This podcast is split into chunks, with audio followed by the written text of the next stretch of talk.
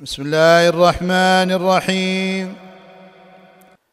تفسير سورة الكافرون. سورة الكافرون مكية وهي ست آيات.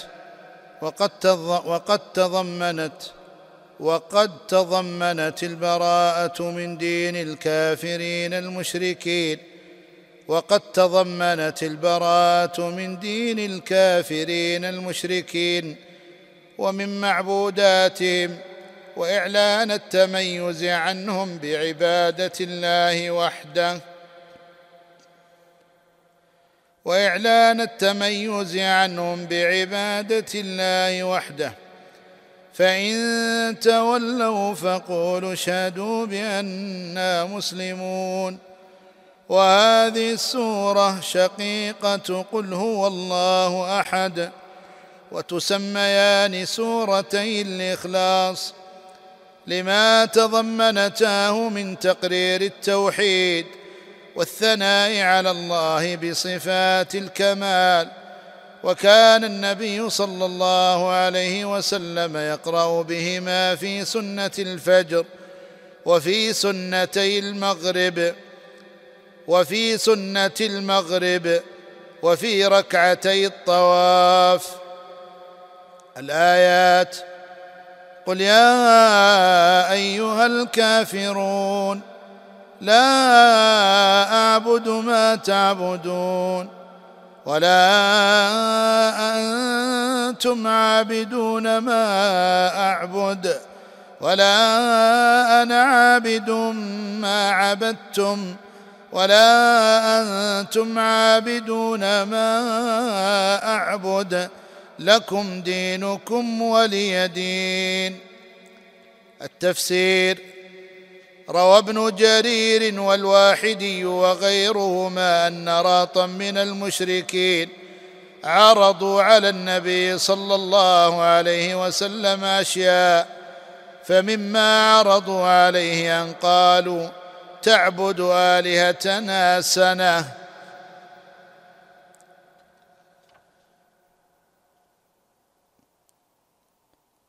تعبد آلهتنا سنة. اللات والعزى ونعبد إلهك سنة.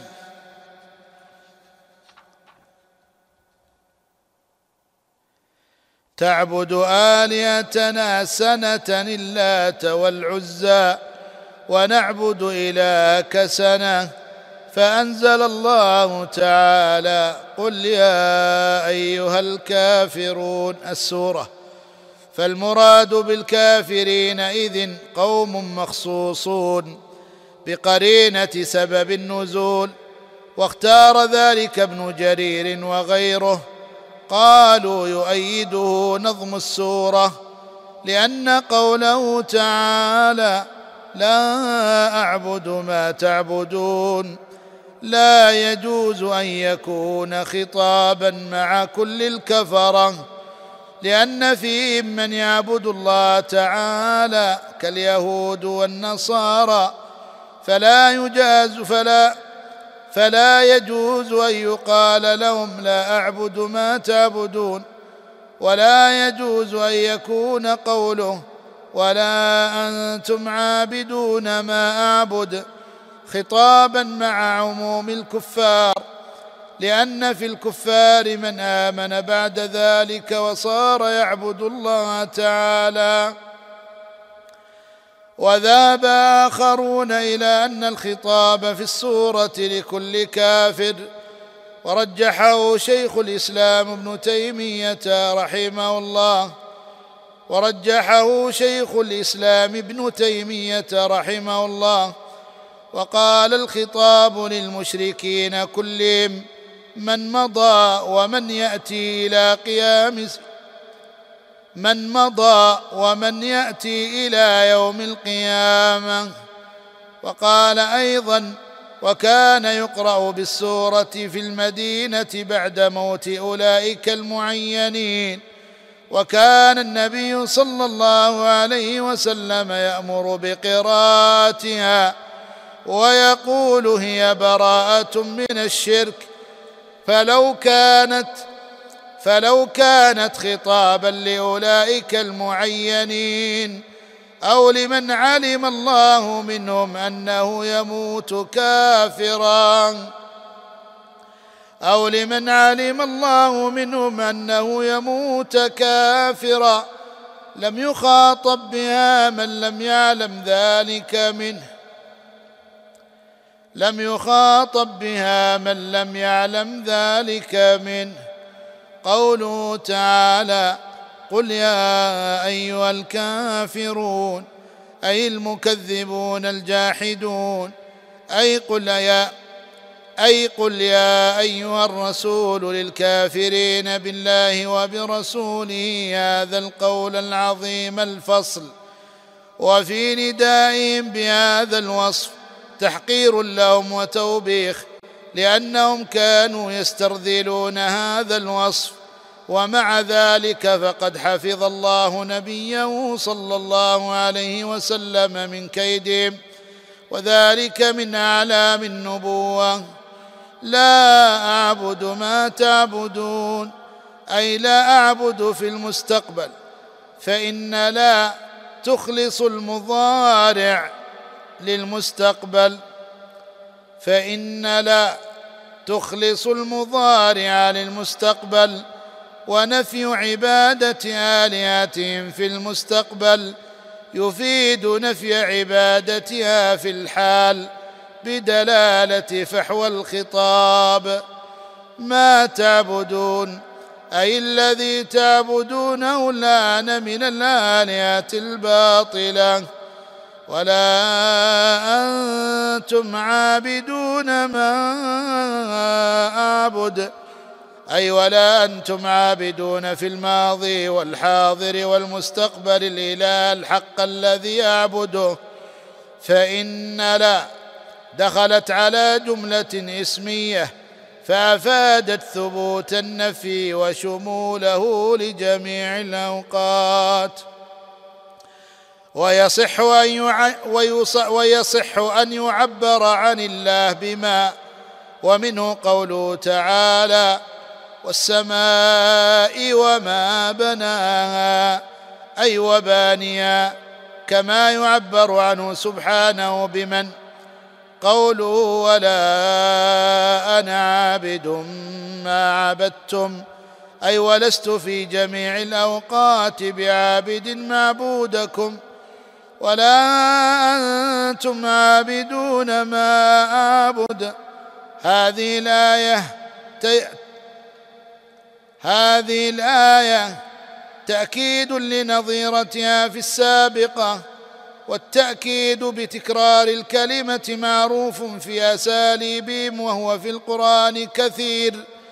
قال تعالى كلا سوف تعلمون ثم كلا سوف تعلمون وقال صلى الله عليه وسلم فلا آذن لهم ثم لا آذن لهم ثم لا آذن لهم.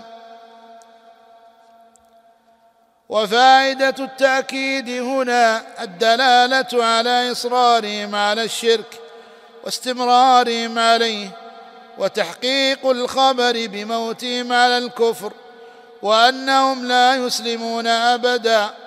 وهذا على قول من قال إن الخطاب في الآية لقوم مخصوصين من الكفار.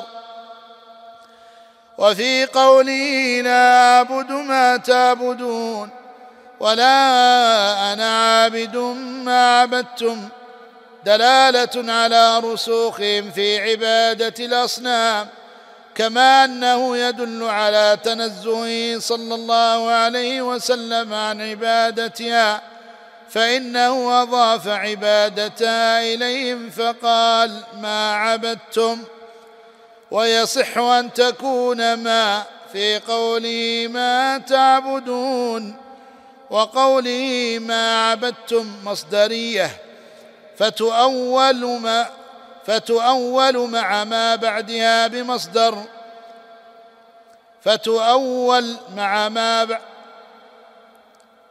فتؤول مع ما بعدها بمصدر ويكون المعنى ولا أنا عابد عبادتكم الباطلة ولا أنتم عابدون عبادتي الحق أي فلا معبودنا واحد ولا عبادتنا واحدة فلا تكرار حينئذ. وقوله تعالى لكم دينكم الذي هو الشرك ولا أوافقكم عليه ولي دين وهو الإسلام فلا أحيد عنه. واصلها ديني حذفت الياء تخفيفا من أجل الفاصلة. الفوائد والأحكام. اولا عموم اولا عموم رسالة محمد صلى الله عليه وسلم.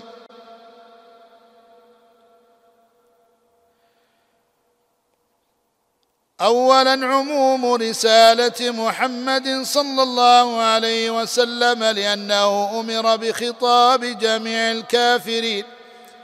ثانيا التباين بين دين الرسول صلى الله عليه وسلم ودين الكافرين. ثالثا أن دين الرسول صلى الله عليه وسلم وهو دين الرسل كلهم يقوم على عبادة الله وحده لا شريك له. رابعا أن دين المشركين يقوم على عبادة غير الله.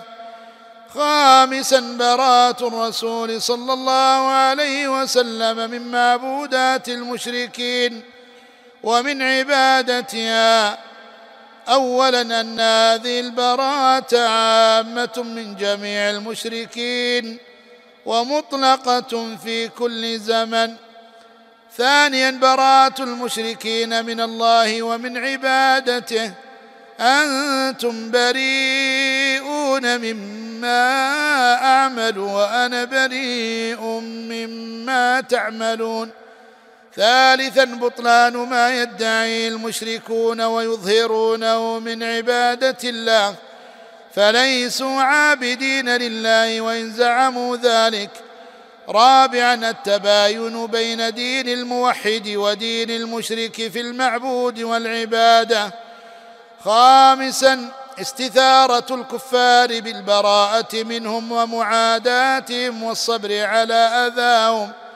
واستثارتهم للتفكير في حالهم وبعث هممهم لقبول ما دعوا إليه. ففي السورة سادسا دعوة الكفار إلى الإيمان بالرسول صلى الله عليه وسلم. والاستجابة لما دعوا إليه من التوحيد وترك الشرك الموجب للبراءة منهم وعداوتهم وبغضهم. سابعا فضل هذه السورة لما اشتملت عليه من أصل الدين وهو توحيد العبادة. ثامنا أن ما عليه الكفار من اعتقادات وأعمال تعبدية يسمى دينا. وشواهد هذا كثيرة افغير دين الله يبغون ومن يبتغ غير الإسلام دينا. تاسعا. الإجمال بعد الت... الإجمال بعد التفصيل في هذه البراءة وبعد ما تيسر من هذه الفوائد نذكر لك فوائد سبق تحريرها وهي مختصة بفوائد تصدير بعض السور وكثير من الآيات بقل وأصلها منتقى من كلام الفخر الرازي في تفسيره لهذه السورة مع التلخيص والتحرير وإليك هذه الفوائد. عاشرا أن الله يتكلم الحادي عشر أن الله يأمر الثاني عشر أن الرسول صلى الله عليه وسلم مأمور. الثاني عشر أن الرسول صلى الله عليه وسلم مامور. الثالث عشر أن هذا القرآن كلام الله. الرابع عشر أن الرسول مبلغ. وفي ذلك إعلام المخاطبين بأنه لم يأت بهذا الكلام ابتداء من عنده بل هو مبلغ لكلام مرسله. وهم مقرون بربوبيته الخامس عشر وجوب التبليغ. السادس عشر أهمية مضمون الجملة. السابع عشر التنبيه لما سيأتي بعد.